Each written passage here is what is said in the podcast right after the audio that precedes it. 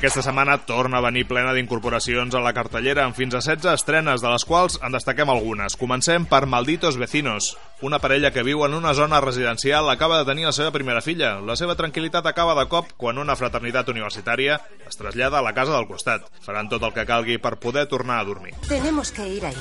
Y les decimos, Sí. por cierto, Sí. no hagáis ruido. Colegas, ¿qué pasa? Si pudieseis alguna vez... hacer ruido? Si metemos demasiado ruido, no llaméis a la poli. Vale. Vale. Voy a decirles que... shh, Sí.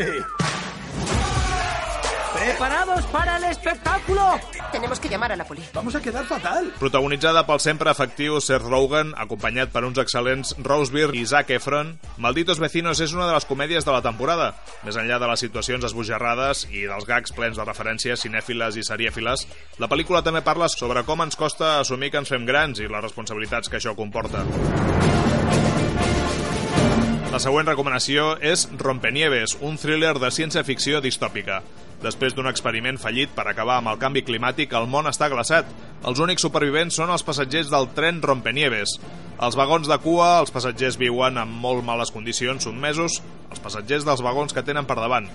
En Curtis, un dels desafavorits, mirarà de trencar aquesta dinàmica. Si conseguimos que coopere, nos llevará hasta la parte delantera del tren. Desde la cola hasta la cabeza. De un solo tirón. Si controlamos la máquina, controlamos el mundo. Sin eso no tenemos nada. Las rebeliones anteriores fracasaron porque nunca llegaron.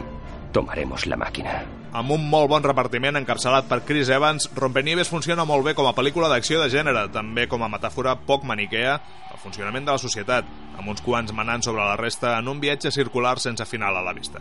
Una recomanació més especial és la peculiar Wrong Cops que va passar pel Festival de Sitges, una comèdia sobre uns policies estranys que aprofiten la seva feina per fer tota classe de negocis. Només es projecta a una sala de Barcelona. I fem repàs ara a les estrenes catalanes de la setmana, que n'hi ha unes quantes, començant pel documental El somni del celler de Can Roca, sobre l'experiència multidisciplinar que els germans Roca van concebre al voltant de 12 plats. Un dels comensals convidat, Ferran Adrià, l'explicava així. l'experiència a nivell gustativa era molt forta. Jo això podia tenir una dubte. En debat de, en debat de forces, diferents disciplines. I ha aguantat perfectament. Aquest documental de Frank Caleu va molt més enllà de retratar com es va fer el sopar i com es van elaborar la resta d'elements artístics. Sent impossible recrear l'experiència original en cinema, sí que aconsegueix crear-ne una altra en què l'espectador gaudeix de cadascun dels elements que van configurar aquest somni. Des de les videocreacions de Frank Caleu, passant per la veu de sirena de Sílvia Pérez Cruz fins al piano que sentim d'Albert Guinovar. La resta d'estrenes catalanes són el retrat generacional, les aventures de Lili Ojos de Gato, els documentals Els anys salvatges i Selem SLM i La redempció dels peixos, un drama que no acaba de funcionar. D'altra banda, l'actor català Quim Gutiérrez fa un paper de secundari en la francesa Los ojos amarillos del cocodrilo. I acabem amb la banda sonora que, junt a la fotografia, és el millor de la pel·lícula En un lugar sin ley. És un irregular drama protagonitzat per una parella de delinqüents dels Estats Units als anys 70.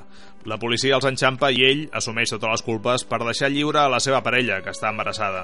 Quan escapa de la presó, fa el possible per reunir-se amb elles, malgrat que la policia no li ho posarà gens fàcil. Fins la setmana que ve.